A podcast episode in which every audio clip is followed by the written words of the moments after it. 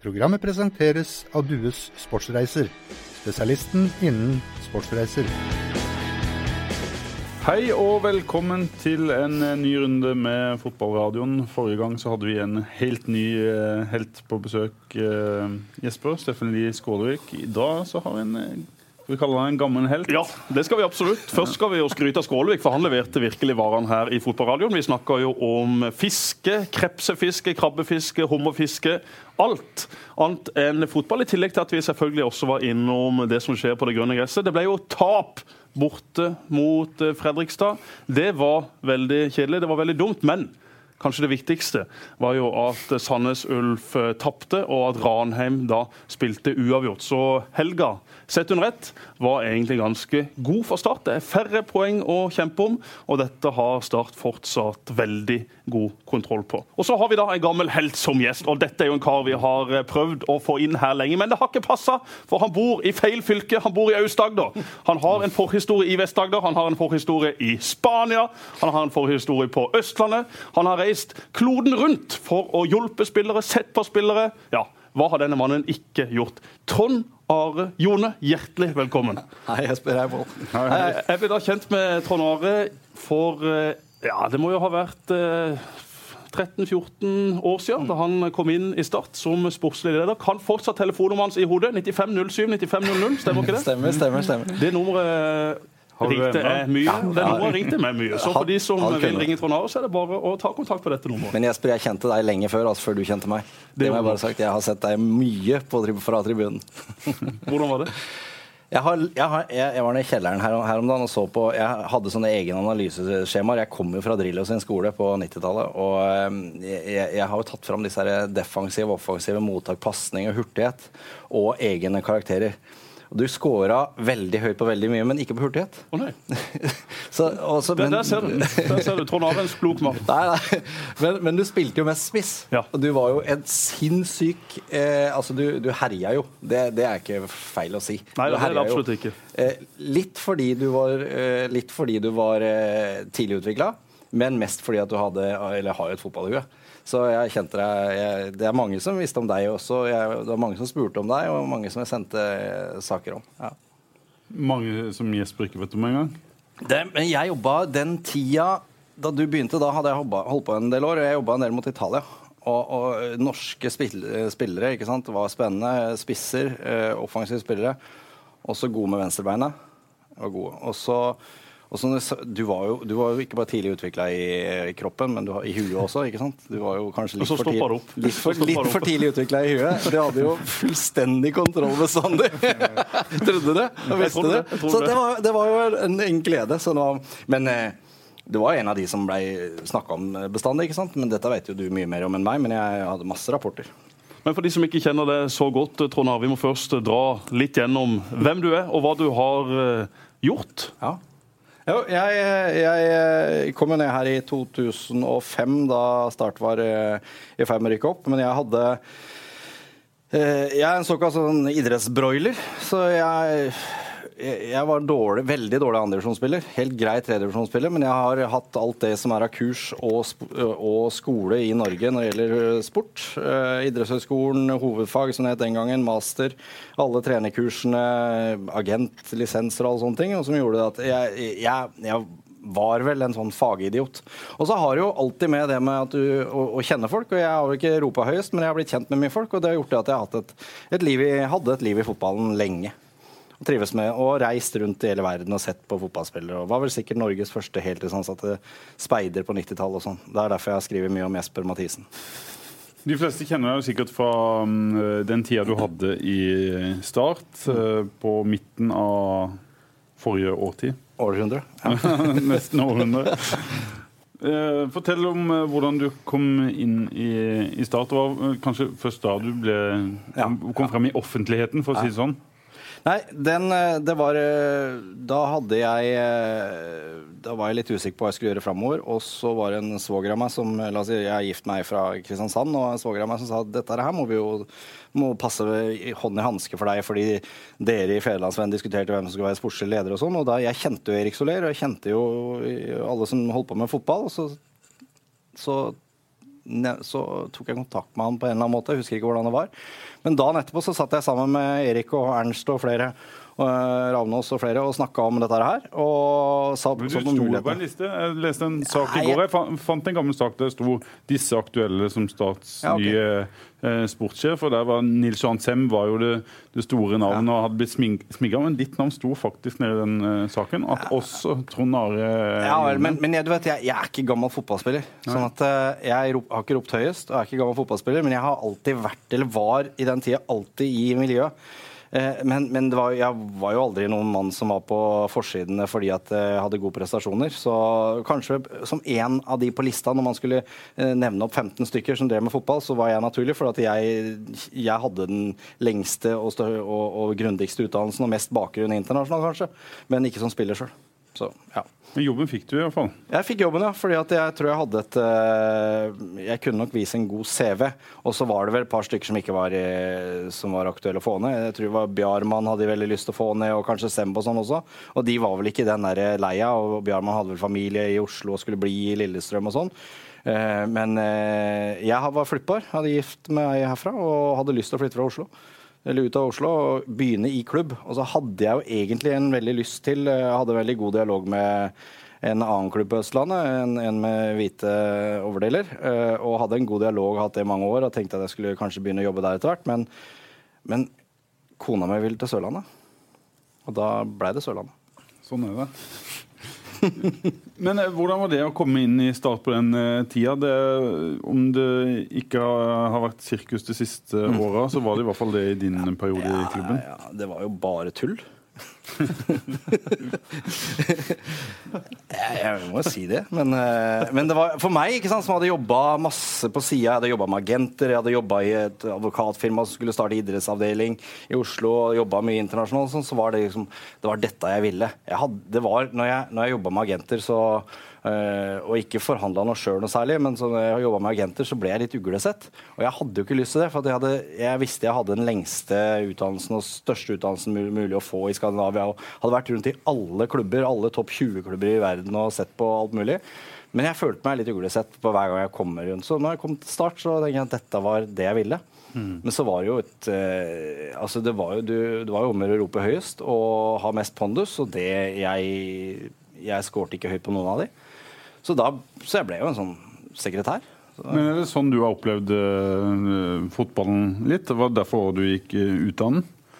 Eh, mener du med mye kaos? Ja, nei, men Det å rope høyest og spisse albuer og Ja, det, Nei, det er ikke derfor jeg gikk ut av den. Men, men eh, Eller delvis, kanskje, men det er mange, mange grunner til det. Men, men eh, jeg gikk ut av fotballen.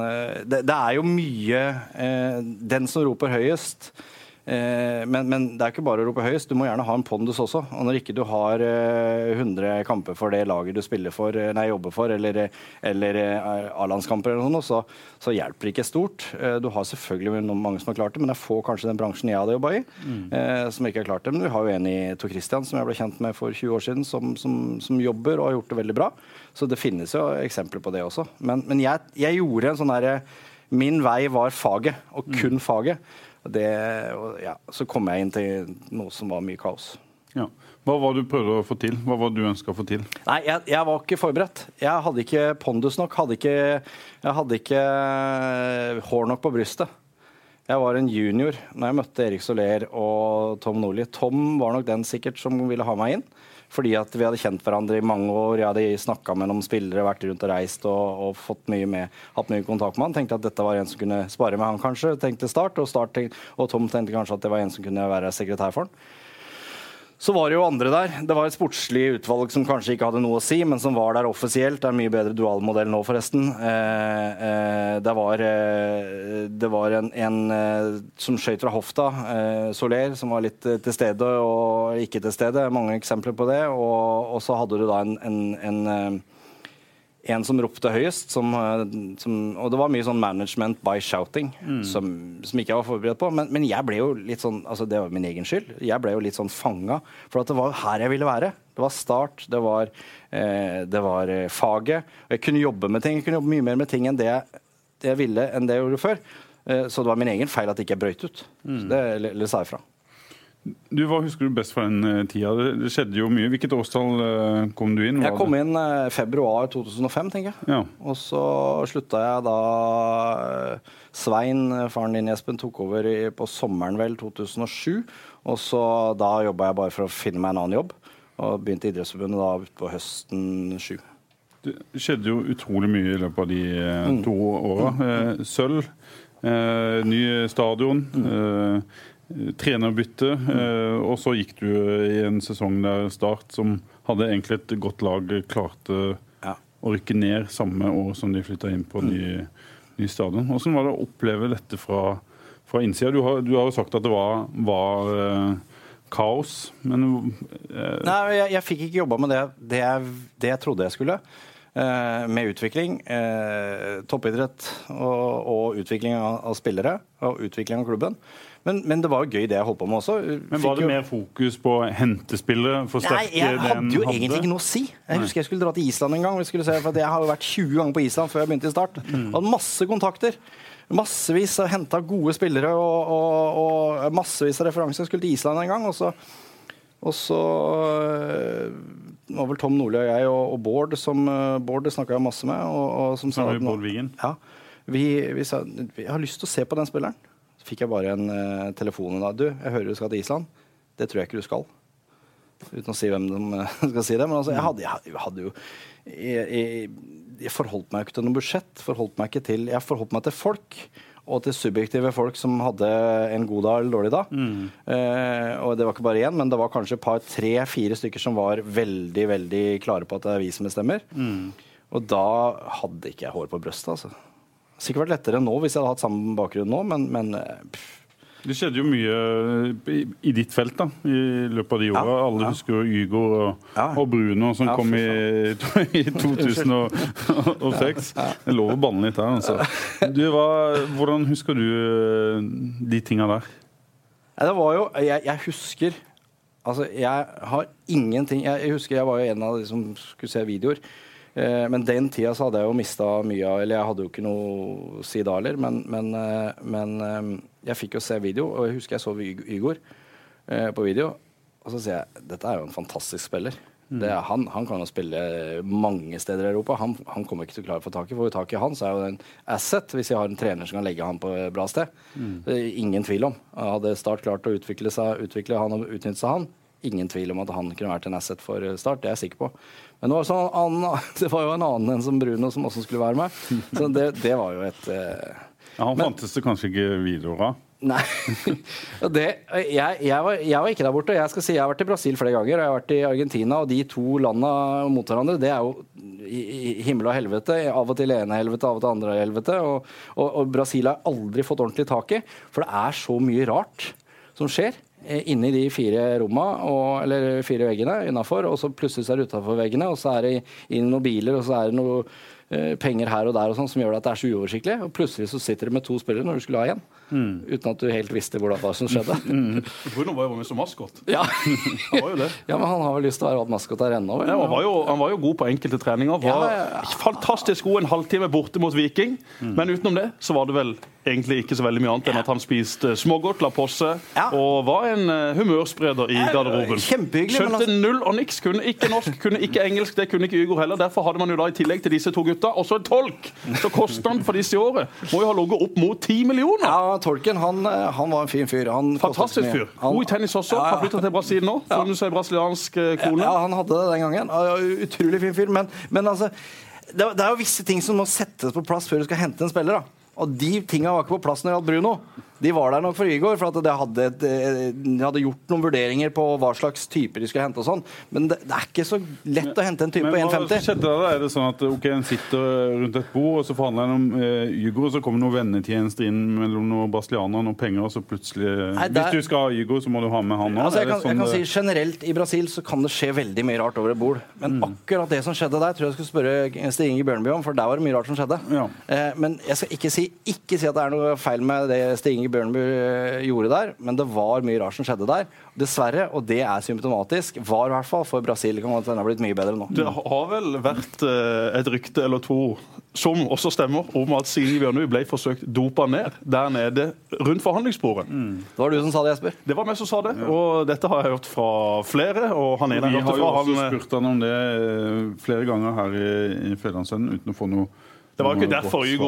Bruno ble signert. Nei, men- dette var Det er, jo en god, det er jo en god unnskyldning å ha. da. Ja, ja, ja. Først Men ikke sant, ikke sant. Men det er dette her også at eh, eh, Det er jo veldig fint, og, og Stig Inge har gjort masse rundt omkring, men, men altså, det er jo Jeg ble jo ikke brukt på sånne ting. Altså, dette her hadde jeg jobba med i ti år før jeg holdt på med dette her. Jeg har sittet på uh, rare klubber og alt mulig rart fra 1995 og framover. Men jeg blei jo ikke brukt på det jeg kunne. Fordi at jeg hadde eh, Fordi at eh, de hadde en en, annen mening om hva jeg skulle gjøre. Pluss at jeg ikke hadde hår på brøstet til å si fra at Hør her, la meg gjøre jobben min. Så ja, ja.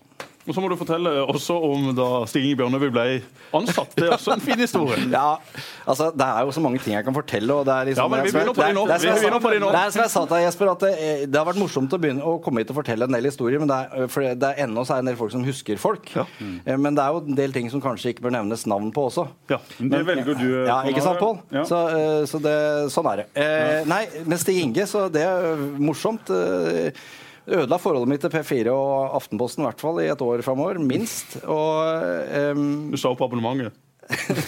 Nei, det, altså, eh, Erik Soler ringte plutselig en dag. Altså, vi hadde tre stykker. Vi var, eh, det var vel Ernst og Erik og jeg som satt Skulle, eh, man, jeg skulle finne mannen, bare for å Ja. recappe litt, finne mannen som skulle ta over etter Ja. Tom Nore. ja, ja. Og, og, vi, og vi Tom hadde fått avskjed. Bare og, før vi går videre, så husker jeg spesielt én ting med Tom Nordli. Da vi satt på bussen fra Alicante flyplass på vei til La Manga, og så var ikke Trond Are med på den, for han skulle komme dagen etter. eller noe sånt.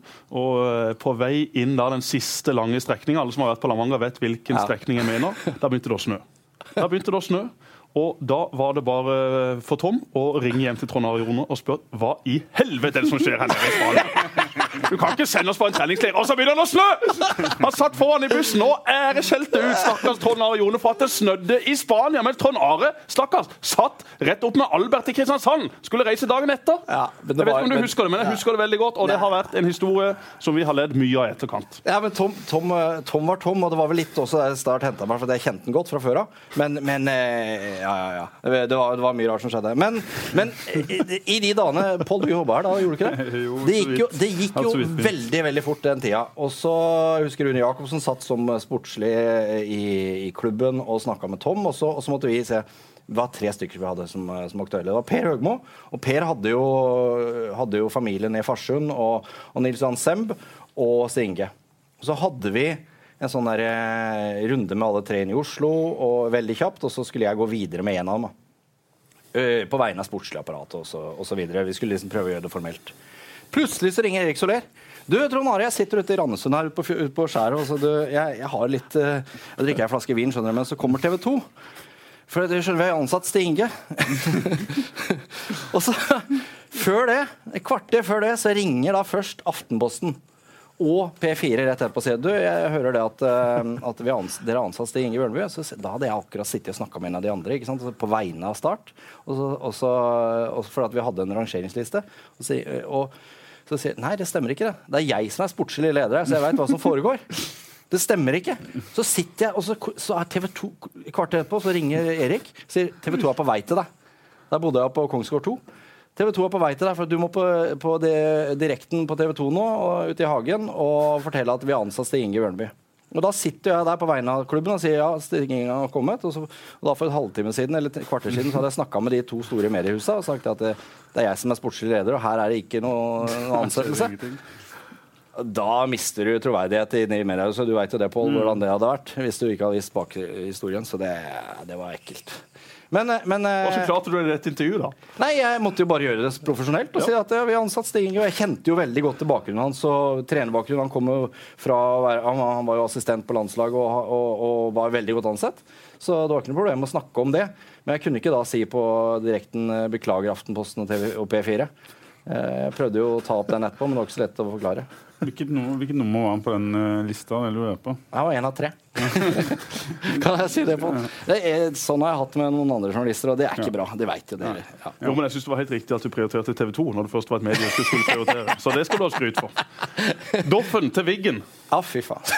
Den historien må vi også ta. Ja, men ikke, ikke til Wiggen, men fra Wiggen. Fra. Doffen, Hjem til Kristiansand. Doffen skulle jo aldri vært i start igjen.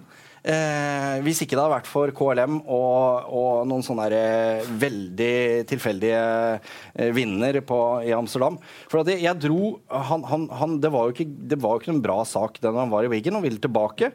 Og så var det dette med, med overgangsvinduet. Og den tida så måtte du være på, eh, på Ullevål med overgangspapirene før klokka tolv. Eh, og Pedersen, Stein Pedersen, som var ansvarlig i Fotballforbundet, satt og venta til klokka tolv på overgangstidene overgangskveldene. Så jeg måtte over og hente det der papiret eh, i Wiggen. Henta det i Manchester, eh, og så tilbake. Og så da måtte, det var ikke noe direktefly eh, på kvelden, og det siste flyet skulle lande klokka halv elleve fra Amsterdam. Så jeg måtte ta fra, Amsterdam og til, nei, fra Manchester til Amsterdam, via Amsterdam til Oslo. Og så hadde jeg bestilt en taxi. Men i Amsterdam vet du, så, så må jeg jo Det er jo Schengen og greier. Så da måtte jeg jo gjennom en sånn kø, og den køen var jo Jeg hadde 20 minutter på meg. Den køen var i hvert fall eh, en time lang. Og da dro jeg opp, eh, og da fikk jeg skikkelig panikk. For at dere, FE-vennen var klar, det, yes, det var noen muligheter med, med Doffen, og, og, og klubben hadde lagt masse penger på bordet, og, og alt var klart for Doffen. Det var synd på han, og gutten skulle komme hjem, og alt sånt, og alt var helt topp. Og han regner med at dette gikk bra. Så var det så dette går gærent. Dette går forferdelig gærent, for det er jo ut av Schengen og sånn. Og så, og så begynte jeg å vifte med sånne kort. Og så, og så dette her eh, eh, førerkortet mitt og sånne ting som står på norsk. Så tenkte jeg Norwegian Police og sånn. og det blei jo skikkelig oppstandelse, for du veit åssen jeg er på internasjonal flyplass. Det blei skikkelig trøblete. Og jeg ble dratt skikkelig av gårde og ut av køen og greier. Og så hva i helvete er det du driver med? Og da var det sånn norske passet, og så, var det, og så måtte jeg vise fram dette med, med, med fotballen og sånn, men de jo, ga jo fullstendig F, selv om det er to fotballand i Nederland og England. Eh, og, så, men, men etter 20 minutter eller sånn, så var jeg ute igjen og kom meg ut. Og da sto det at gate hadde closed og alt sånt, og alt var gærent. Men så, så løp jeg til den, gang, den eh, utgangen. da. Så viser det seg da at det var et eller annet gærent med det flyet. Så det ble stående nesten en time ved den gaten. Og de fikk, fikk åpna den igjen, da, siden jeg, jeg, da vifta jeg ikke med førerkortet mitt lenger. Men da bare ba jeg på mine knær og kom på det flyet. Og kom klokka 11 eller kvart over 11 eller sånn, nå, til Gardermoen og kom meg akkurat til, eh, til Fotballforbundet. Så det var bare den trøbbelet med flyet som gjorde at det, Doffen endte som startspiller igjen. Hva hadde skjedd med han hvis uh, Ja, da hadde han fortsatt i Wigan. Eller da han fortsatt i England i hvert fall et halvt år til. For at han hadde, var klare, klare regler på har du kontrakt, så kan du ikke gå til en annen klubb og ikke ut, leies ut den tida heller. Da hadde han fortsatt der. Og der var han jo litt i kulda. Da måtte han kanskje bli leid ut til en eller annen bakgårdsklubb eh, det halvåret, for han var jo ute i kulda i Wigan. Så ja. Men det gikk jo bra. Og fra Doffel skal vi til en annen uh, entertainer, både på og utenfor banen. Pa Madoka. Han hadde jo hatt uh, mye med å gjøre opp gjennom hans tidlige karriere, Trond Are. Ja, Pa, Uh, for de som du husker ham. agenten hans, eller? Jeg har aldri vært agent, jeg. Men, men eh, jeg jobba i mange år sammen med Gunnar Martin Kjenner. Eh, men så eh, og Jeg tok agentlisensen, og sånn, men jeg ville ikke ha den, for jeg føler ikke at det er noen sånn mann til å ordne penger. Eh, eh, så jeg har aldri tatt noe penger for noe. Men eh, jeg har alltid hatt fast lønn og fått betalt av klubber og sånn. Men, men, men Pa han ble kjent med da han var 16, tenker jeg. Spilte i Skeid og sa dette er noe veldig spesielt. Jeg dro rundt og så på kamper, og han kom inn på en eller annen landskamp, landslagstrening fordi at han, han var en av mengden, og det var noen som ikke møtte opp. Sinnssykt bra fyr, men, men han var jo enda, enda mer tidlig ute i huet enn Jesper Mathisen. Så når han var 16, så var han jo gjerne 30 i huet, og, og full av livserfaring. Så gjorde han til Vålerenga. og Jeg hadde masse god Og jeg var litt mer sånn rådgiver, og, og da jobba han med Gunnar Martin Kjenner, men det var mer sånn at han jeg, Du er broren min, Trond Are. Han sendte meg en, en, en trøye en gang hvor det står jeg har mange så fotballtrøyer, jeg har sekker med fotballtrøyer i kjelleren, og der står det på en trøye, jeg tror jeg er fra Råda eller der, med, med 'Ingen andre enn deg finnes ikke'. står det på Ja, han var svær på drakta. Eh, eh, vi, vi hadde et fantastisk eh, forhold. Hans far kom jo hit som en av de første utlendingene som spilte i Norge. Han spilte på sånn eh, oppvisningslag med laget sitt i Afrika og hoppa i Rjukan. Hadde kone i, der borte. Fikk en norsk kone, henta opp kona fra Afrika, som da hadde Pamodoka eh, som sønn. Så han har, eh, han har bodd sammen med to stykker på Tøyen. I to forskjellige To leiligheter. Mm. Eh, mye surr med Pa. Oh. Eh, masse surr. Eh, F.eks. at han ikke kunne Han tok jo aldri lappen. Han har lappen nå, da, men bare sur. Jeg husker en gang eh, jeg var borti AIK for han, så, med han, så sa jeg at dere må passe på at han ikke kjører bil. Men han fikk jo sponsorbil.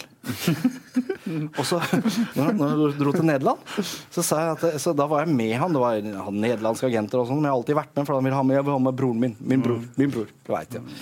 Fantastisk herlig fyr. altså. Jeg er alltid på id der og feirer id med dem. Mange år gjorde jeg sånn også, med, med mora, som ringer meg stadig vekk.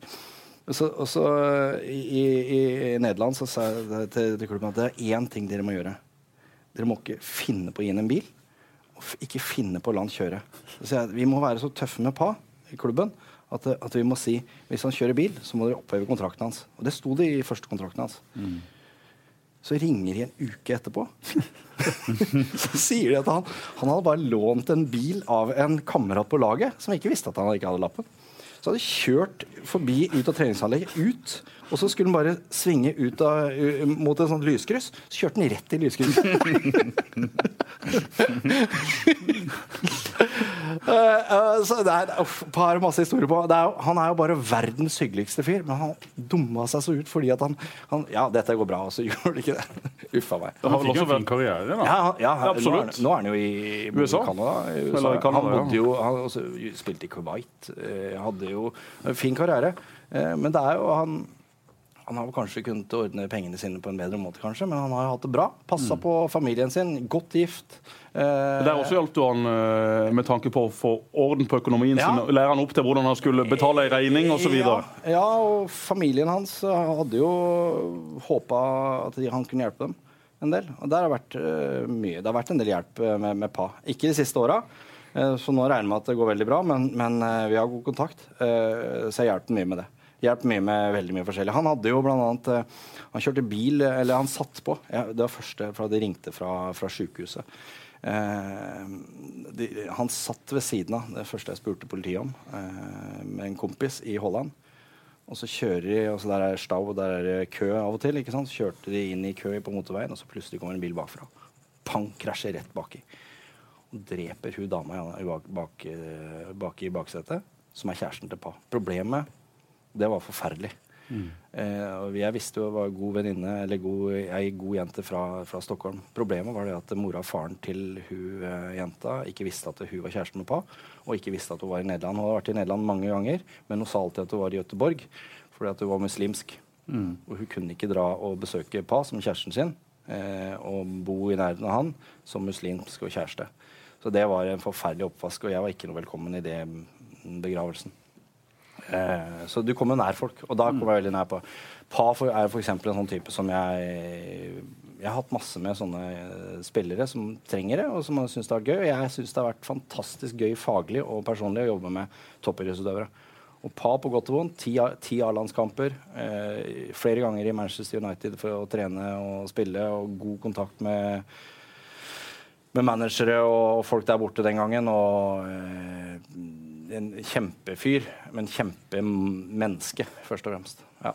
Og har jo også et av de mest legendariske klippene på VGTV, da de var nede og besøkte han eh, i Kuwait eller Dubai, eller hvor i verden han spilte. Der han viste hvor han bodde. Han hadde jo det fete huset med svømmebasseng og det ene og det andre. Det var jo mange hundre kvadrat, nesten 1000 kvadrat, det huset. Da husker jeg satt hjemme og tenkte jøss, der hadde det vært gøy å spille. Pamodoka, en levende legende. Han, han, han bodde jo sammen med familien sin på 20 kvadratmeter på, eh, på Tøyen. Nei, jo, på tøyen. Og, og, og, og det blei jo større da, og, da, da, han likte det jo stort. Sånn at, eh, ja, han, han dro det helt ut, da. Fint, Så men, men det, er jo bare, det er jo bare han i, i norsk fotball og Jesper Mathisen som er de eneste som har hatt, som har hatt uh, huet til å ønske å dra folk innafor femmeteren eh, fire ganger i en kamp hver eneste gang. jeg vet ikke, eh, kunnskap og huet, men i hvert fall huet. Ja, og teknikk. Ja, og Til å gjøre teknikk, det. selvfølgelig. Ja. Og mangel på en eh, egenskap som veldig mange andre har, som Akkurat. heter frykt. Ja, frykt, også feie unna er faktisk lov av og til. Ja, det Men når du har selvtillit, som Jesper og Pa hadde, det er mye like til dere. Det er bra. Den hvite par. Ja. Har også slitt med mine regninger opp igjennom. Vi skal over til eh, en eh, spiller som vi vil ikke skal nevne med navn, men en tidligere proff i Premier League. Han hadde også noen historier på. Jeg, jeg, jeg var mye med en del proffer på 90-tallet eh, i England. Eh, fordi at eh, når jeg jobba fulltid med dette her, så, så var det en del som, som både trengte Trengte litt innkjøringstider. Og kjøre på feil side av veien og bestille mat, hva som helst. Alt mulig rart. Og det er ikke alle klubbene som hadde dette klart. De Og du har hadde også en spiller som hadde med seg kjæresten. Hun skulle studere. Hva skulle hun studere? Herregud. Ja, nei, det er en annen. Ja, jeg vet Det vi skal bare ta den først, så vi har den også ja, det, var, det var i Holland. Ja. Det var en spiller som skulle til Holland, som, eh, som eh, var i Holland. Og skulle, skulle, skulle dama komme etter, og skal jeg kjøre, kjøre henne opp til Gardermoen. Og da eh, så, så, så, ble jeg litt imponert. Eh, Skal du flytte ned til denne fyren? Og si ja, ja, ja. Hva skal du gjøre for noe der? Nei, jeg skal studere. Å, kjempegøy. Skal du studere? Jeg er 18 år og flytter ned. Hva skal du studere for noe? Jeg skal studere til Lappen. så det Vi fikk ikke Lappen heller. Tilbake til Premier League. Ja, ja, så det var, det var, dette var på 90-tallet, og det var en spiller som fikk noen kamper i Premier League. men og jeg kan si mye om det. Det, det sto først på, på baksida på, på The Sun eh, søndag på en kamp da han skulle debutere eller skulle i troppen mot Charlton den gangen Charlton lå i Premier League. Og, så, og så, hadde, han, eh, så hadde, han vært, hadde jeg vært der borte et par uker, og han hadde lært å kjøre på venstre side av veien. Og alle sånne ting, og, så, og så skulle han få lov å kjøre til spillerhotellet. Da. Og du vet, eh, M25 i London, den er jo ikke akkurat som Ringveien i Oslo. Den er svær. Og da må du følge med. Junctions ut der og der. Og så Han fikk klar, klar beskjed om hvor han skulle. og sånn, og Dette gikk fint. Men så bomma han på den junction. da, Der han skulle møte eh, Han hadde vært på frokostmøte, så skulle de kjøre biler til det andre hotellet. Og da var det fire timer før kamp. eller sånn, jeg husker ikke hva det var. Men han kom jo ikke fram til det hotellet før eh, pausa i kampen. Så En jeg- kamp han skulle spilt? ja, nei, han, skulle på, jeg tror han, jeg, Det husker jeg ikke. Han skulle Mulig. I hvert fall så sto det i The Sun eh, siste sida 'He made it to second half'. Eh, men eh, men noen, et år eller to seinere så møtte jeg denne manageren som han hadde da på en annen i, på treningsfelt i, i syd i England. Og så, Faen, jeg husker, jeg husker deg. Hva var det som skjedde nå? Jo, det var via han spilleren der. Og så, Jeg må bare fortelle deg om dette her. Sånn, en merittert manager. Eh, det var to kamper som han ville nevne som var grunnen til at han ikke var der lenger. Den ene kampen var at han skulle debutere. Eller han skulle være nei, Ikke debutere, men han skulle være med. Dette var en annen kamp. og Det var eh, på Theater of Dreams i Manchester mot Manchester United. Da skulle på, på mm, benken. Og så lurte man om han kunne ta med seg telefonen. Hvorfor skal ha med telefonen på benken? Gutten tjente mange millioner. Jo, du skjønner, kona mi har vondt i magen. Eh, og hun ba meg ta med telefonen. Så sier eh, manageren at ja, men hvis du da får beskjed om å varme opp og stå på sidelinja der, så ringer telefonen. Hva gjør du da? Det kunne han ikke svare på. Da var han ferdig.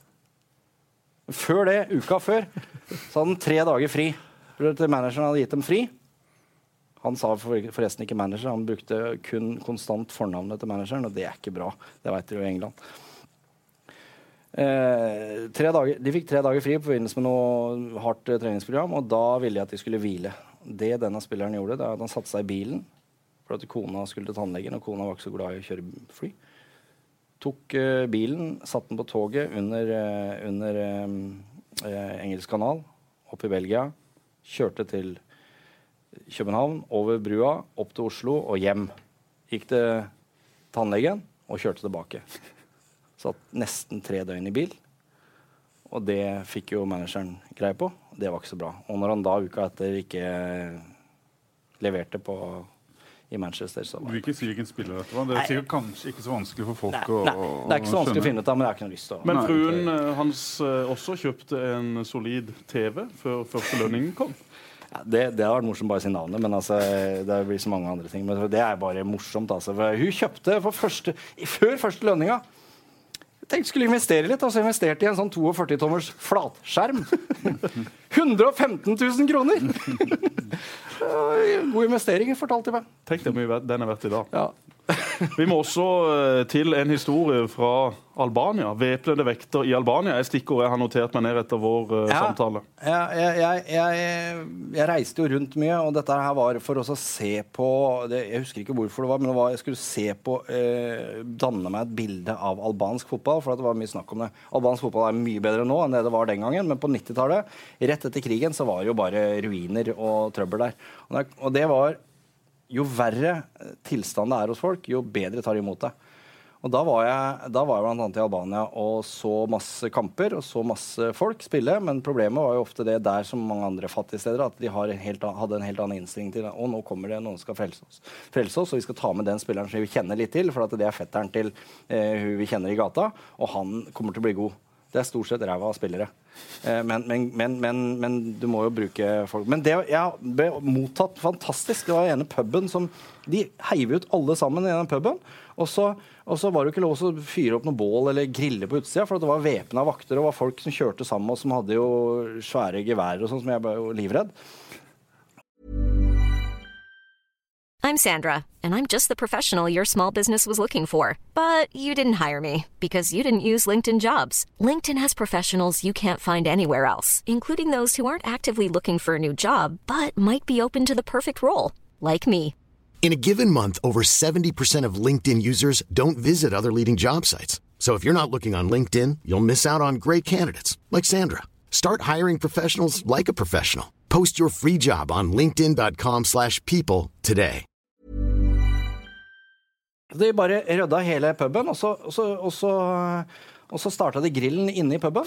Og så, og så hadde de vært ute og skutt en sånn geit, og så grilla de hel, helstekt geit. Og så, og, så, og så kom de med sånn, jeg husker ikke det var, noen sånne Ozo-greier eller et eller annet sånt noe, som var så sterkt. Og det var jo hyggelig, og jeg måtte jo si hei og tusen takk. Men jeg, jeg, jeg, levde jo ikke på de to neste dagene. Men den der fantastiske gjestmildheten eh, der, som var i Albania rett etter krigen, det var helt fantastisk. Bortsett fra det at det var så dårlige spillere at, eh, som jeg så på, så jeg kunne ikke gi dem tilbake. Og sånn var det mange ganger i Afrika og andre steder også. Egypt spesielt. Ja, men Kairo, der har du også vært på tur. Der var det også masse elendige spillere. Eh, nei, ja, i, i, i Egypt så er det jo sinnssykt mye bra spillere. Eh, det er jo en fantastisk klubbfølelse, fantastiske spillere. Eh, Samalek, Alali Al-Ali, eh, de store klubbene som tar 100 000 folk inne på stadionet sin. Du har lov å stå der.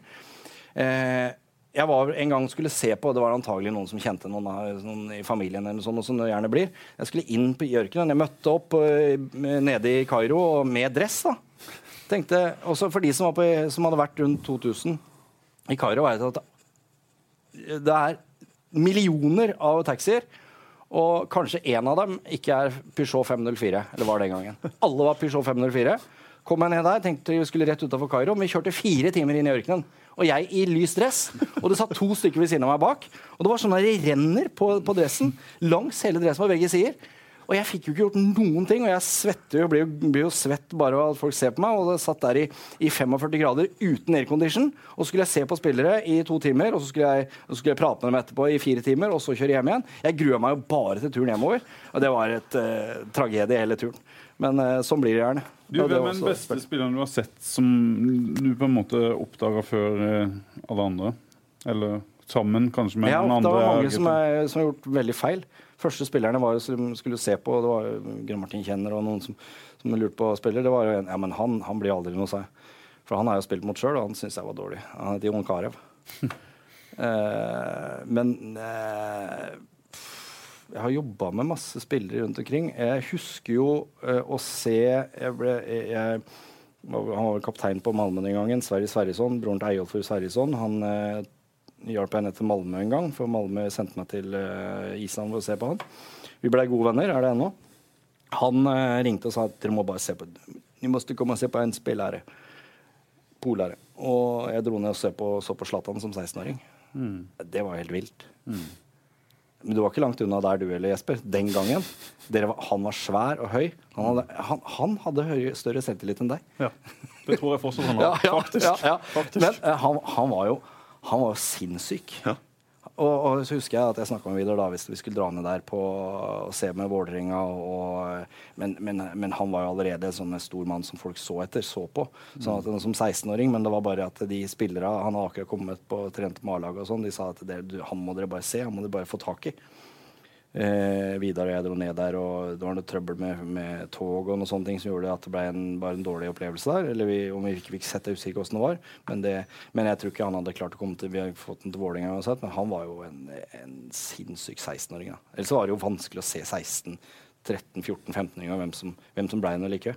Jeg husker jo når du snakka om uh, Jesper at du var på Hamar. Jeg var jo på Gjøvik og Hamar og så disse kampene. og så Eh, Jon Arne Ristan var 16 år også, og han også hadde noe spesielt. De var jo, du skal jo være litt gæren i huet. Mm. Og, altså, du er jo toppidrettsutøver. Og det er jo noen av de som absolutt skal bli toppidrettsutøvere. Ja, hvem så vi starta når du kom der? Vi, ja. hvem, hvem, var det som blomstra og overraska deg mest i start? Da var, det jo, da var det i 2003 og 2004, og det var jeg, jeg skrev jo mest rapporter siste halvdelen av 90-tallet også ut mot 2000. Men den som jeg syns hadde blomstra mest i 2003 spesielt, det var Marius Johnsen. aldri hatt noe fart, men fy søren for et fotballhue. Mm. Eh, timing. Eh, venstrebein. Han, skulle reindyrka Men så, så, har jo han hatt trøblete bein og sånne ting. Men for et sånn skikkelig fotballhue han, Kanskje ikke toppidrettsutøver i huet i forhold til at han skulle bli best uansett, for han er jo verdens snilleste. Men jeg syns den gangen for en fantastisk spiller. Jeg så ikke Doffen og Fredrik som, som de store spillerne. Eh, de, var, de, var, en del av et system som var fantastisk. Men jeg så ikke dem så gode. Det må jeg bare ærlig si. Jeg syns Marius Johnsen var et For alle så etter et venstrebein. Alle så etter en venstrebekk. Mm. Nå var ikke han eller Rangvald Soma eller Trond Fredrik Ludvigsen og disse her venstrebekkene som var på den tida, de var ikke så veldig raske. Så hvis du hadde hatt hurtighet og venstrebein, som de beste hadde, så hadde vi hatt noen gode. Stig Inge Bjørnby hadde jo heller ikke noe for fart, eh, men eh, det er den man alltid så etter. Mm. Trond Fredrik Ludvigsen kunne vært der den gangen. Men, eh, ja, men, eh, men, men, han hadde noe mer av Marius. Marius kunne spille i alle posisjoner, nesten. Lugn og ja, litt sånn late bloomer. Men en, i Start den gangen, veldig bra. Fantastisk. Men, men Start har alltid hatt det der. Jeg synes jo da ja, jeg, da jeg skulle engasjere meg i, i Starts styre, så, så, la jeg fram et sånt program. Jeg sa at jeg Bare vil jobbe med utvikling. litt der, sånn at folk ja. får med seg hele historien. For du kommer jo tilbake til Start. Du har i mellomtida, fra du slutta i fotballen til du flytta tilbake på Sørlandet, så har du vært i i eh, Roforbundet. Ja, eh, jeg jobba i Roforbundet eh, som generalsekretær, og så skulle jeg ta over et, eh, som generalsekretær i et annet større forbund. Mm. Men så kom det, falt det ned fra skyene en mulighet til å dra til Spania og være rektor på norsk skole. Jeg har også lærerbakgrunn. Mm. Eh, så måtte, det var en sponsor som hadde invitert oss på sponsortur, så jeg torde ikke å luft, lufte dette for kona mi før vi var oppe i lufta, for da skulle jeg begynne i et annet forbund. Mm. Men da ville hun gjerne at vi skulle til Spania, så da dro vi til Spania. Og så var jeg hadde jeg årskort på, Manga, nei, på Malaga klubb de Fotball i, i, to sesonger. Så masse fotball. Og kom tilbake derfra. Så gikk jeg inn i styret til Start. Ja. Begynte i sivil jobb igjen i, ja, i Lillesand. I Lillesand. Jeg flytta til Lillesand og jobba først litt ja. ja, skal nå bygge kanal og ja. Øh, det ene med det andre. og Norges største motoranlegg. Det holder vi på med nå. Det er gøy å drive altså, jeg, jeg er fagidiot, kan du si. Og jeg syns altså, fotball er gøy. Jeg blei veldig oppgitt da jeg slutta i styret til Start. Jeg ble veldig oppgitt. Eh, og jeg syns det er flott det de holder på med nå. Eh, men, men eh, jeg er fagidiot, så jeg syns idrett er gøy. Og jeg syns det var utrolig gøy å jobbe med andre idretter. Få masse innspill. Eh, og jeg, jeg, er ikke den som har sett på tippekampen, men jeg har sett på mer fotball tror jeg, enn de fleste. I hvert fall de 20 åra jeg har holdt på med dette fullt. Og, men jeg så på faget. Så samme om det, Da var den tida samme om det var Start eller om det var Raufoss eller hva som helst. Og så jobba jeg mye med roing. og Jobba med Olympiatoppen. Skulle jobbe med en annen idrett. Så, men nå jobber jeg med motorsport og prøver å få til det. Så kom du inn i, i Start, og der Duane stoppa deg i, i, i stad. Vet ikke om du husker jo, hva du jo, skulle jeg, si? Og, da, og da, da, sa jeg at eh, vi må jobbe med utvikling. Og jeg skulle jobbe med utvikling, og, uh, men det blei ikke noe av det. Jeg husker ikke helt hvordan inngangen var. Men altså, jeg la fram et program som mente vi må gjøre noe mer med utvikling. Fordi at på 90-tallet. Altså det, det, er jo udiskutabelt. Det finnes ikke sted i hele Norge, kanskje i Skandinavia, hvor det er større nedfall av gode talenter. Men altså Frank Strandli, Myggen, eh, Totto Dalum, eh, Jesper Mathisen eh, alle, disse her, eh, alle de som har kommet opp underveis, har vært sinnssykt gode. Men de har ikke tatt det der siste internasjonale. Og jeg vet i hvert fall at vi skulle hatt to internasjonale toppspillere i Start de siste 20 åra.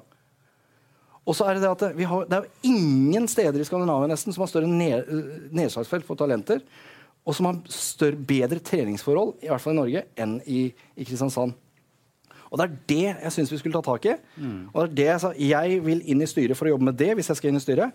Så gikk det åtte styremøter med bare økonomiprat, og det skjønner jeg godt. Det måtte man gjøre. Insolvent og alt mulig rart. Så det, var, det, eh, det måtte man bare gjøre. Men jeg vil jobbe mer. Vil ha mer med det og jobbe mer med, med, sport. Men der er også det at hvem som roper høyest. Mm. Så, så, eh, jeg tror det at det hadde vært mange som hadde kunnet gått det siste nivået, men som ikke har gjort det i, i Start eller fra Kristiansand. Og det har med eh, tilrettelegginga og kravene å gjøre. Hvordan opplever du det annerledes enn andre steder du som har vært litt rundt? Jeg, altså, jeg mener det at eh, Eksempelvis det siste. da. I Malaga da jeg bodde der, satt på tribunen på Laros Aleda og så på, og jeg bodde rett bortafor Isco. Francisco Isco, som spiller på eh, Real Madrid nå. Mm. Altså, habil ikke... midtbanespiller. Habil. han er helt rå. Ja, nå er han helt rå. Han, nå er han helt rå, ja. Mm. Men altså, han, han, han var jo ikke noe større talent enn Jesper Mathisen da han var 16. Da var han i Valencia. Så flytta familien ned til, til, Malaga. Og Det er ikke noe bedre treningsforhold i Malaga enn på Sørlandet. Det må jeg bare si. Altså hele for, sommeren. For folk tenker Når de ser Spania, ja. så ser de for seg Grønt og flott. Ja, og eh, Noen vanvittige strukturer og vanvittig gode trenere ja, og uh, unger på en linje. Og, en ser jo for seg sånne ting. Og så sier de som har vært nede i Spania, vi hadde Jarle Børrestad sist, at det er ikke så veldig mye annerledes. Ja, Jarle er jo mye der nede på, på Altså, Malaga hadde fram til bare noen få år siden, bare et par år siden ikke en eneste egen treningsbane til de som er under A-landslaget. Nei, A-laget deres. Og de har masse folk på juniorlandslaget til, til, Spania. De busser dem rundt, eller foreldrene kjører dem rundt. Mm. Og hele sommerhalvåret så spiller de på sånn som de bor her, så hardt. Mm. Eh, og så spiller de på noen kunstgressbaner. Men hele sommeren så, så, jo, så, så blir det vanna, men det er ikke bra nok. Og kunstgress og harde baner. På vinteren, ja, det er ganske greit, men det, jo, det regner jo katter og bikkjer av og til, og sånn også, men da er det ålreite baner. Men det er jo nesten veldig lite gressbaner. Mm. Så det er trening, trening og toppidrettsmentalitet.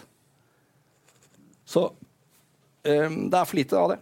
Ja. Vi skal trene mer. Men det er jo ikke mindre av det på Sørlandet. Toppidrettsmentalitet. Ja, du kan jo si at det er mindre av det, men systemet er jo likt over hele Norge. Men ja. er, er, vi for snille med barna våre? Er vi snillere med barna våre på Sørlandet enn på Østlandet? Jeg får lov å snakke litt med større bokstaver nå, for mm. nå har jeg ingen å, å, å, som jeg skal forsvare meg overfor. Eh, norsk toppfotball avler ikke gode spillere fordi at man er ikke god nok på uh, å stille krav og god nok til å legge til rette. Jeg synes at de aller, aller fleste spillerne, uh, norske fotballspillerne kan trene mer og trene bedre. Uh, og få en, en, bli bedre lagt opp til. Det er ikke lett å være toppidretts fotballspiller i Norge når du blir puter under armen på når du er 15 år. Alle kjenner deg i gata. Og når du er 16, så går du på A-laget og spiller på U-landslaget. Går med Norge på ryggen eller hva som helst. Det er ikke så lett. Det er helt forståelig. Men her kunne Start jo tatt en mye større rolle, mye bedre rolle. Og de har sagt det, ja, vi er på vei, og vi, kan, vi skal gjøre det. og vi, er, vi gjør det.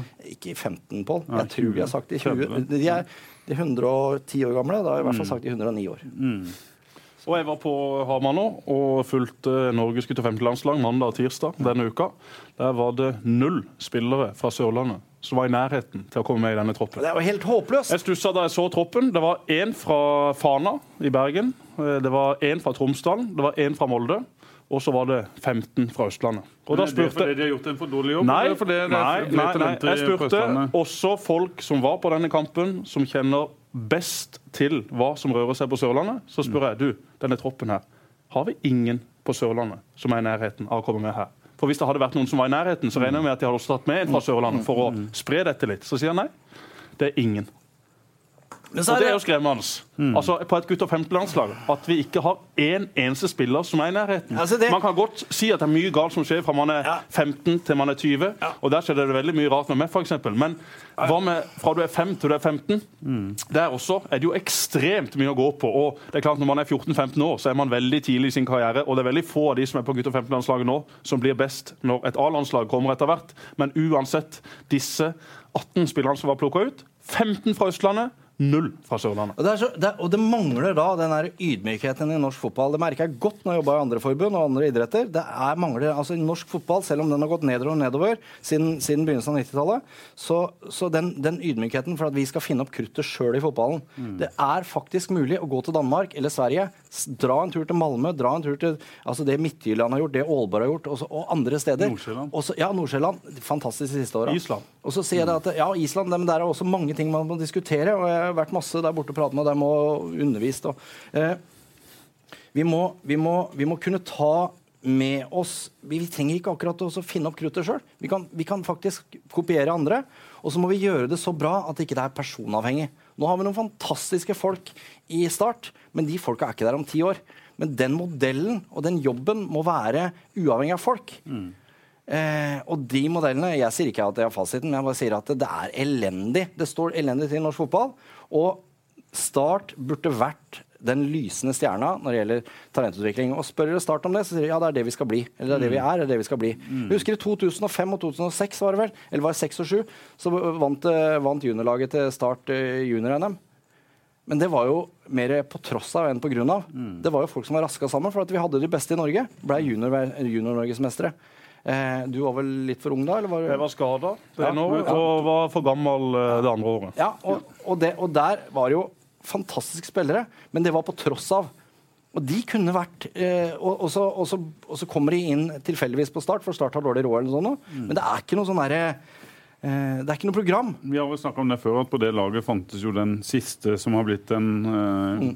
en god eller habil tippeligaspiller i Start, ja. er jo fortsatt Rolf eh, Daniel Vikstøl. Ja, faen meg, åtte, jeg er nå 29 år. Ja, han begynner å dra på, han. Uh, altså, men, men, men, i den perioden så hadde de penger og henta folk utafra, og da, og da gadd de ikke.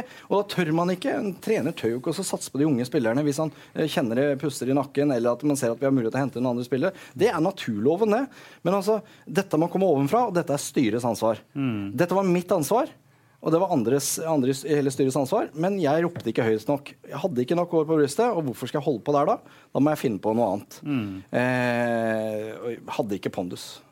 Hvordan ser du for deg dette nå som en enda modell? Det er jo blitt snakka en del om startkulturen det siste halve året før disse eierne kom inn, bl.a. På, et, på et styremøte. For å ta det først, Hvordan opplevde du det? Altså, jeg blei ble oppriktig oppgitt og lei eh, da jeg gikk ut av Start, fordi at jeg syntes det ble en veldig merkelig sorti.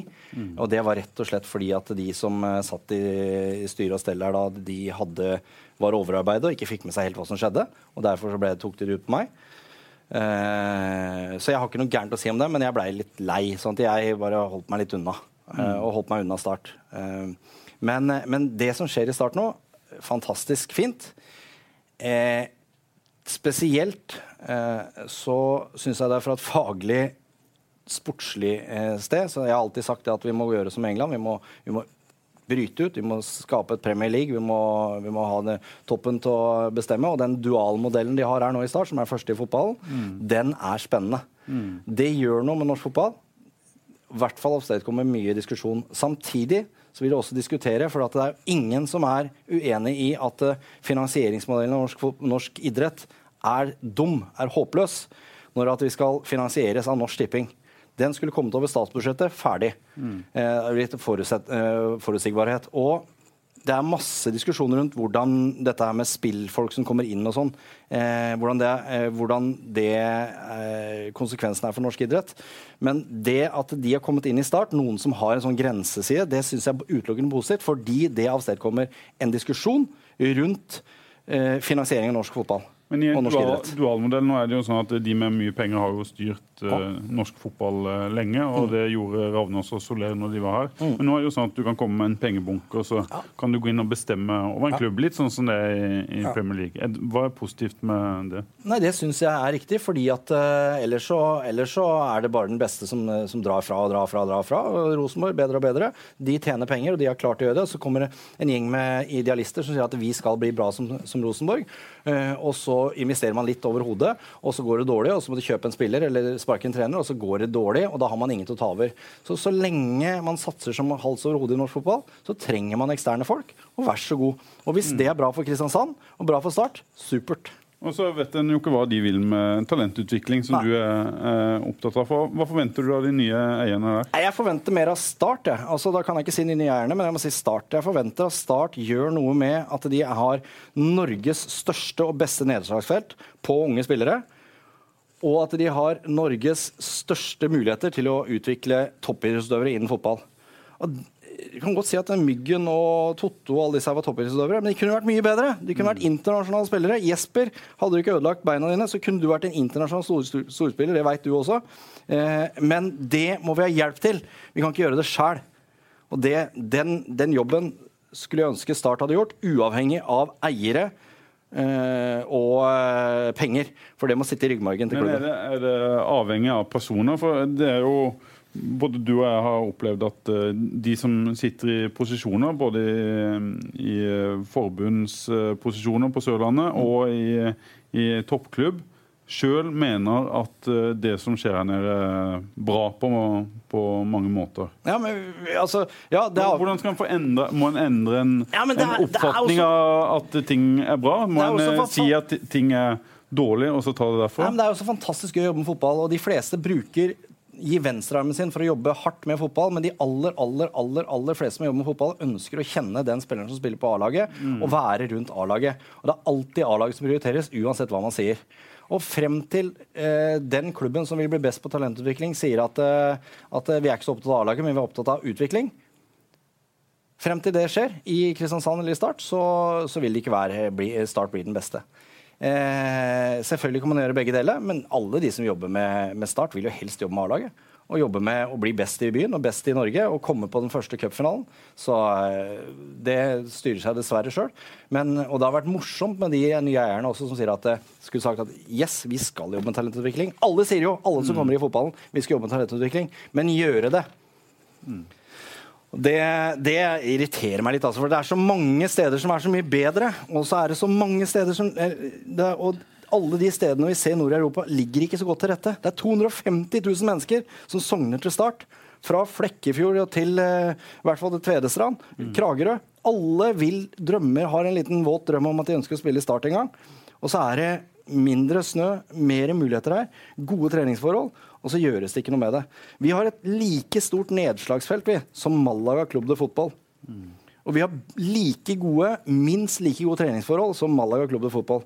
Jeg har vært medlem av supporterklubben. Jeg har sittet, på, sittet på, og sett på treningene. Jeg har sittet og sett på øh, så mange kamper. Og jeg har sittet og sett dem øh, spille kvartfinale i Champions League. Eh, og det, det er egentlig det er, vi, De har så masse muligheter her. Og Jeg sier ikke det at jeg har fasiten på hvordan det kan gjøres, men, men, eh, men det er synd at ikke det gjøres mer i Start. Tenker du når du hører dette, Jesper? Jo, jeg er jo enig med mye av det Trond Are sier, og så er det jo om å gjøre å finne ut hva slags vei er den beste. Ja, og Nå har vi jo ja. sittet her i flere programmer og diskutert det.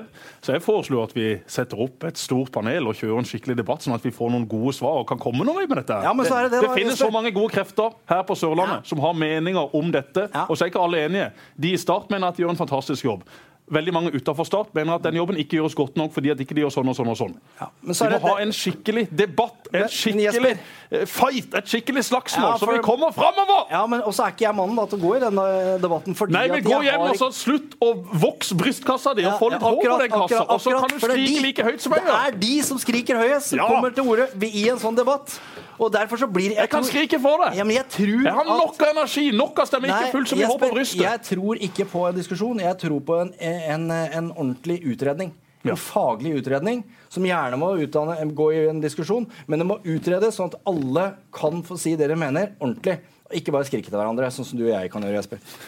Men så er det jo noe med å endre ting Det er jo fryktelig vanskelig i dette landet. Noe som er bestandig, og ting i fotballforbundet og ting vi vil ha. Ja, og- og- Hva- endrer? Det blir veldig mye diskusjoner sånn som vi har her. Og Og det blir nevnte- og frem og tilbake. Dette nevnte Det skjer gutt- og jo femtelandslaget som jeg var og besøkte nå på, Ja. på Hamar. Det er klart, Der hadde Stabæk flere spillere med. To av de tre beste spillerne var fra Stabæk. Han ene skåra to mål. Det ene var helt outstanding. Jakta halve Europa. Gelmøyden heter han. Ikke sønn til Erik, eh, dessverre, for da hadde han kanskje vært startspiller. Men en annen Gelmøyden inne i Bærum. Men, men, de gjør det på en helt annen ja, måte. Stabæk gjør det på, de går mot uh, forbundet. Jeg snakka med Kjetil Siem når han var i forbundet. Han sa to eh, verstinger i norsk fotball som ikke følger den norske modellen.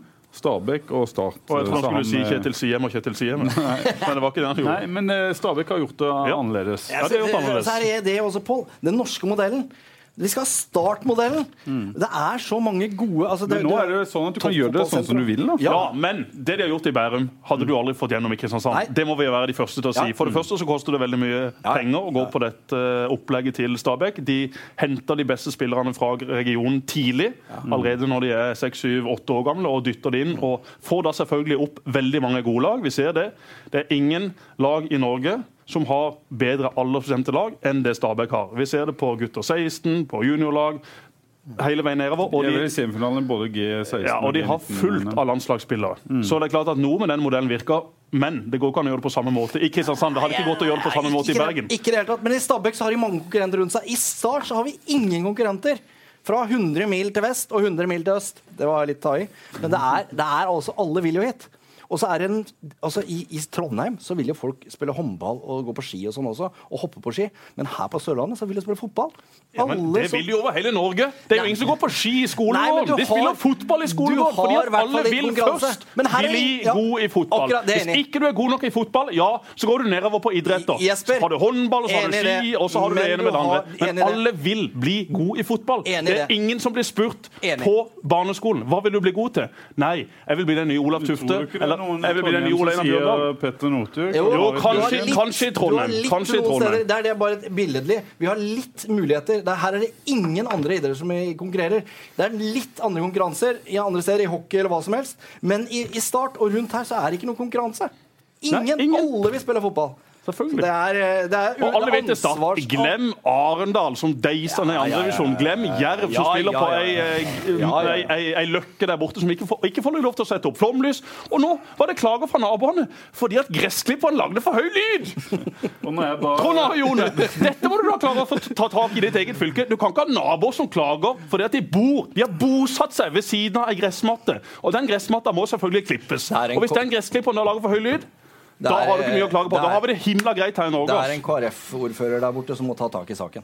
Det er det. Det skjønner jeg. Det er bare Start sender blomster til Jerv eh, etter eh, forrige kamp, da de jo hjalp ved, ved å slå Sandnes Ulf, og da svarte du Ja, Blomstene må ikke være for høye, for da blir det noen klager på det også. Og Jerv må jo nå kvitte seg med sin store spiss Gormus, for de har fått klager på han også. At han spiller for mange minutter. Han må vekk, han må ut av landet, kan ikke spille i Norge lenger. Fordi at han sperrer utsikten for disse gretne gamle gubbene som bor rundt Levermyr.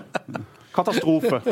Jerv interessert i Salvesen, sier Anne Sandstø. Følger med på han. Vi må snakke litt om det som eh, skjer fremover, og det som kommer til uka før vi, eller til helga før vi, vi eh, gir oss. Eh, Jerv de blir i første divisjon. Ingen sj- sjanse at de kan eh, lure seg opp via kvalik. Jo, det er vel en liten mulighet, men det blir tøft. De har tre kamper nå. Møter Ullensaker, Kisa og Mjøndalen, som er, Ja, og Jerv har et godt nok lag til å få en fin rekke med, med seire. Men uh, først og fremst så har dette vært en skuffende sesong for Jerv. Jeg trodde de skulle være med og kjempe helt i toppen om et direkte opprykk, men det har de aldri vært. Det starta katastrofalt, og så har det blitt litt bedre etter hvert.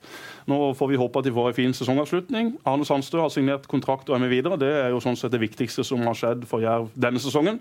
Nå viser i alle fall Sandstø og Jerv at de har tenkt å bygge dette videre, og det syns jeg er veldig positivt. Arendal åpna sin nye, flotte stadion. Det gikk jo ikke. Der ble det 0-1-tap, selvfølgelig helt på slutten. Det er synd. Jeg hadde håpet at Mathias og Arendal skulle klart å i alle fall uh, hatt en mulighet til å redde plassen på slutten, men etter det tapet så syns jeg det begynner å se bekmørkt ut. Og så er kanskje det neste år da, med Vindbjørn, Arendal og, Fløy i samme divisjon. Absolutt. Vi gratulerer med Fløy med opprykk. Ja. Veldig fortjent. En enorm jobb som er gjort ute på øya. Og så ja, vi skal selvfølgelig snart avslutte. Og jeg så den artikkelen med Lars Jørgen uh, Salvesen, som er i tvil om hva som skjer neste år. Jeg håper at han får en uh, sjanse til å vise at han er frisk i start. Og så får man ta en vurdering opp mot seriestart om han da skal gå på et uh, utlån. Men jeg syns det ville vært uh, unfair mot Salvesen, som har vært såpass bra rett før han ble skada. En ung, lokal spiller som har veldig mye fans her i byen. Han syns jeg fortjener en real sjanse til å bevise at kneet hans fungerer fint. Og hvis kneet hans fungerer fint, så kan Start ha bruk for han neste år.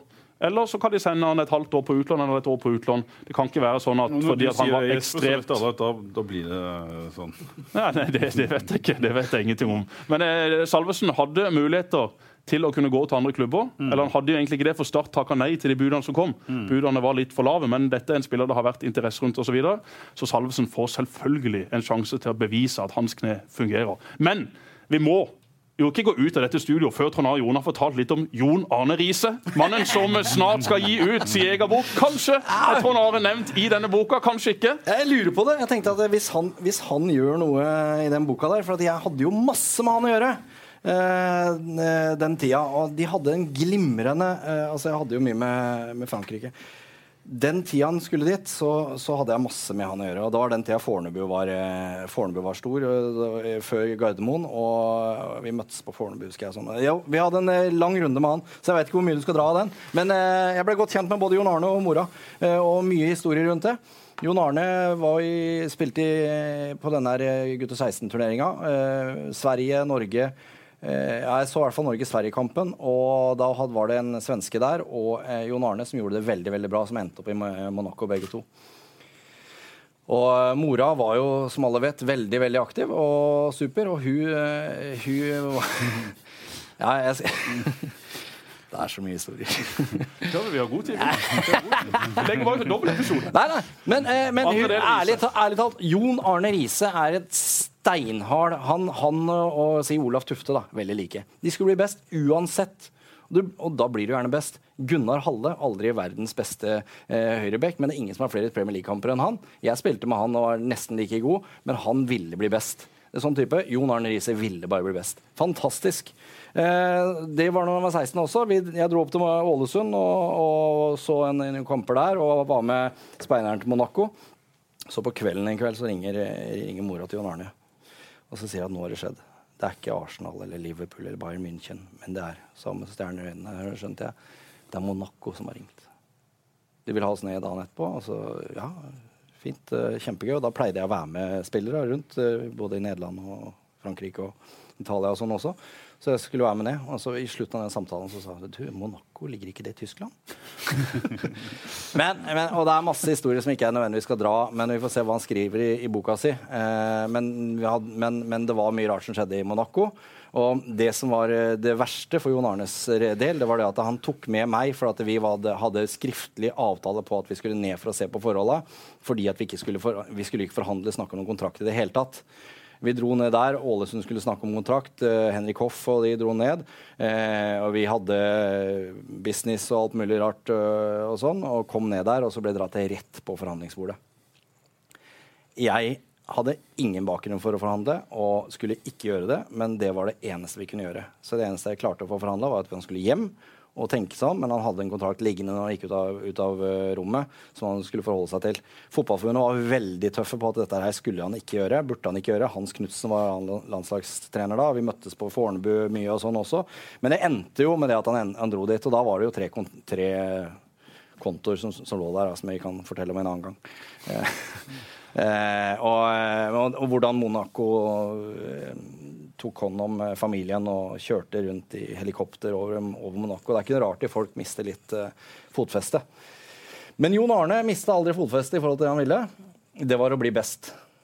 Og han hadde vært en mediumspiller han, hvis ikke han hadde vært sinnssykt toppidrettsutøver i huet sitt. Man kan si hva man vil om Arne, Jon Arne Riise, men han, han, var, han, hadde det som skulle til i huet.